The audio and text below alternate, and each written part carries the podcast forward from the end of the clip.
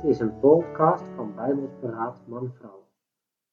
In deze aflevering gaat het over de weduwe de Zarfat.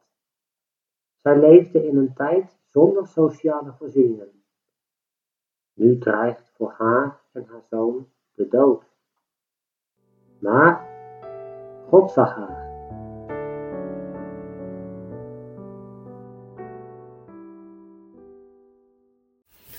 De weduwe van Zarfat. In het leven van Elia spelen twee heidense vrouwen een grote rol. De ene is Izebel, dat is de dochter van de koning van Sidon. Dat is ook de krachtige vrouw van Agab. Zij is ongetwijfeld voor een groot deel verantwoordelijk voor de grote afgoderij waarin Agab het tien stammenrijk stort. Elia zegt Agab aan dat er geen regen zal vallen dan op het woord van de profeet. In die drieënhalf jaar droogte zit Elia eerst een tijdje aan de beek Krit. Daar brengen de raven hen brood en vlees. Een heel bijzondere gebeurtenis dat de raven dat doen. Misschien halen ze het wel van de tafel van de koning. Daarna stuurt de Heer hem naar een arme weduwe in Sarfat, die ook uit het gebied van Sidon afkomstig is. Deze vrouw is een uit heel ander hout gesneden. Laten we daarover lezen in 1 Koningen 17, vers 8 en 9. Toen kwam het woord van de Heere tot hem: Sta op, ga naar Zarfat, dat aan Sidon toebehoort, en woon daar. Zie, ik heb daar een weduwvrouw geboden om u te onderhouden. Waarom uit Sidon? Jezus zegt later tegen de inwoners van Nazareth dat er veel weduwen waren in de tijd van Elia. En hij kon het weten natuurlijk. Maar dat Elia niet naar hen werd gestuurd, maar naar deze arme heidense vrouw. Uit het gebied van de vijand, waar de vader van Izebel koning is. Daar zit goddelijke ironie in. Dat Elia juist daar veilig zal kunnen vertoeven. Maar natuurlijk is het ook waar dat de Heer het hart van deze vrouw kent. Hij weet van haar nood en die gaat hij lenigen en van het geloof dat zij zal tonen.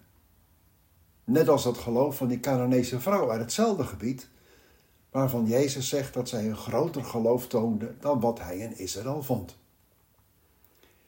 Ik heb geboden, zegt de Heer. Dat zegt hij tegen Elia. Hij heeft alles in de hand, maar zij heeft dat gebod, denk ik, nog niet rechtstreeks gehoord. Lees maar wat er verder gebeurt. Uit 1 Koningen 17, vers 10 tot 12. We lezen. Vervolgens stond hij op en ging naar Sarfat. Toen hij bij de ingang van de stad kwam, zie, daar was een vrouw, een weduwe, hout aan het sprokkelen. Hij riep tot haar en zei: Haal toch een beetje water voor mij in deze kruik, zodat ik kan drinken. Toen ze op weg ging om het te halen, riep hij haar na en zei: Breng toch ook een stuk brood voor, mij mee. Maar zij zei: Zo waar de Heer uw God leeft, ik heb geen broodkoek meer, behalve een handvol meel in de pot en een beetje olie in de kruik. En zie, ik ben een paar stukken hout aan het sprokkelen. Zodra ik thuis kom, ga ik het voor mij en mijn zoon klaarmaken. Daarna zullen we het opeten en sterven. Elia begint met vragen om water. En dan is zij gelijk bereid om het te gaan halen. Daarom weet Elia dat hij de goede weduwe voor zich heeft. En vraagt ook om een stukje brood. En daarmee wordt haar nood openbaar. En het feit ook dat ze ziet dat Elia een profeet van de Heer is. Ze spreekt over de Heere, uw God. Maar hij zal ook haar God worden. We lezen verder in 1 Koningen 17, vers 13 en 14.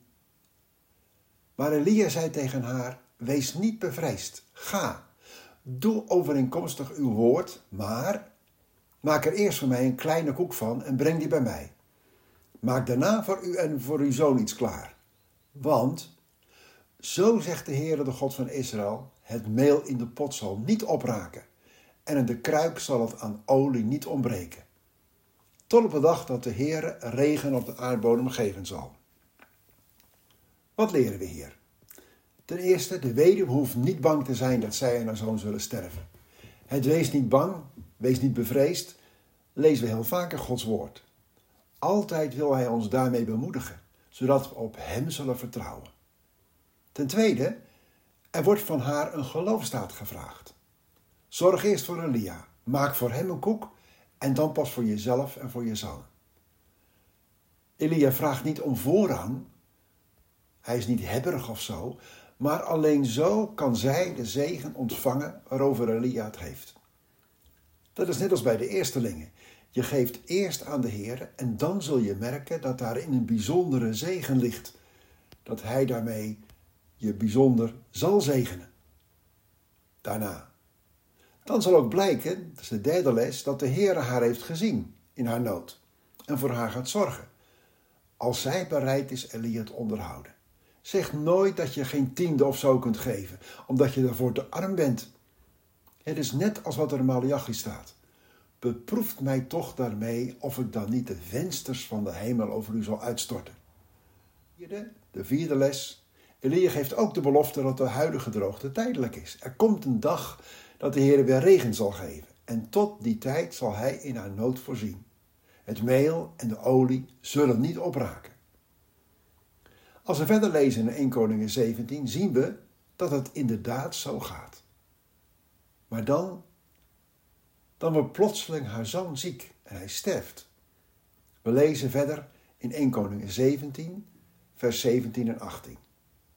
Het gebeurde na deze dagen dat de zoon van deze vrouw, de vrouw des huizes, ziek werd. Zijn ziekte werd zeer ernstig, totdat er in hem geen adem overbleef. Toen zei ze tegen Elia: Hoe heb ik het nu met uw man Gods? Bent u bij mij gekomen om mijn ongerechtigheid in herinnering te brengen en om mijn zoon te doen sterven? Wat gebeurt hier nou eigenlijk? Elia had gezegd: Vrees niet. En zij had ervaren dat de Heer voorzag. Olie en meel, ze raakten inderdaad niet op. Maar dan sterft toch haar zoon. Was het inderdaad vanwege haar zonde? Of is het zoals de Heer Jezus zegt over de blindgeborene? Nog deze heeft gezondigd, nog zijn ouders, maar de werken van God moeten hem geopenbaard worden? Dat lezen we in Johannes 9. Of zoals hij zegt over Lazarus, in Johannes 11. Deze ziekte is niet tot de dood, maar ter wille van de heerlijkheid van God. De vraag is, blijven we op Hem vertrouwen als het echt moeilijk wordt? Als hij haar moeite bij de profeet brengt, is er geen verwijt van zijn kant. Nee, hij gaat naar de Heere God toe. We lezen verder in 1 Koningen 17, vers 19 tot 24. Maar hij zei tegen haar: Geef mij uw zoon. Hij nam hem van haar schoot en droeg hem naar boven, naar het bovenvertrek waar hij zelf woonde, en legde hem neer op zijn bed. Hij riep de Heere aan en zei: Heere mijn God, Hebt u dan ook deze weduwe, bij wie ik als vreemdeling verblijf, zoveel kwaad gedaan dat u haar zoon gedood hebt? En hij strekte zich driemaal over het kind uit en riep de Heer aan en zei: Heer mijn God, laat toch de ziel van dit kind in hem terugkeren. De Heer luisterde naar de stem van de Lia en de ziel van het kind keerde in hem terug. En het werd weer levend. Elia nam het kind op bracht het vanuit het bovenvertrek naar beneden in huis en gaf het aan zijn moeder. Toen zei Lia, zie, uw zoon leeft. Toen zei die vrouw tegen Lia, nu weet ik dat u een man Gods bent en dat het woord van de Heer in uw mond waarheid is. Leven uit de dood. Ja, de Heer is getrouw. Hij zorgt ook hier voor een wonderlijke uitkomst. Eigenlijk had hij al bewezen dat hij leven uit de dood kon geven. Want de weduwe was met haar zoon immers ten dode opgeschreven, totdat Elia kwam. En bleek dat zij door God was uitgekozen om voor hem te zorgen. Geven is altijd gezegend en hier ervaart ze in het bijzonder hoe hij zorgt. Geef mij uw zoon. Dat is de enige remedie als het moeilijk wordt, dat we onze kinderen aan hem toevertrouwen. Alleen hij kan hen tot leven brengen. Alleen de Heere kan dat doen. Dit is de eigenlijke climax van het verhaal. Geef mij uw zoon, zegt de Heer ook vandaag, tot u en tot mij. Soms kunnen we inderdaad niets anders doen dan dat. Onze zoon of dochter in gebed in zijn handen leggen. De conclusie is: laten we ook als het moeilijk wordt, als we trouw Hem hebben gediend en we zien dat onze zoon of dochter een doodlopende weg inslaat, Gods weg verlaat, laten we juist dan Hem vertrouwen, de Heere vertrouwen. Hij straft ons niet, maar Hij wil graag dat we alles in Zijn hand leggen. Geef mij uw zoon, geef mij uw dochter. Hij is het die leven uit de dood kan geven, zoals de vader in de gelijkenis van de verloren zoon zegt: Mijn zoon hier was dood en is weer levend geworden. Dan is er weer reden tot feest. Dan wordt zijn naam groot gemaakt. Wat een prachtige lessen vinden we in deze bijzondere geschiedenis. Deze weduwe die bijzonder gezegend wordt door de aanwezigheid van de profeet. En haar zoon weer uit de dood terug ontvangt. Dat is tot eer van de Heere God. Hij wordt daarin groot gemaakt. En zo mogen wij ook Hem vertrouwen in alles. Ook als het moeilijk is, als het zwaar is, als we er alleen voor lijken te staan. Hij is nabij.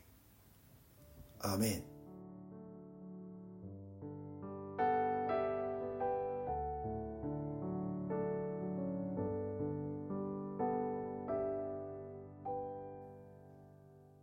U luisterde naar een podcast over de weduwe van Safat.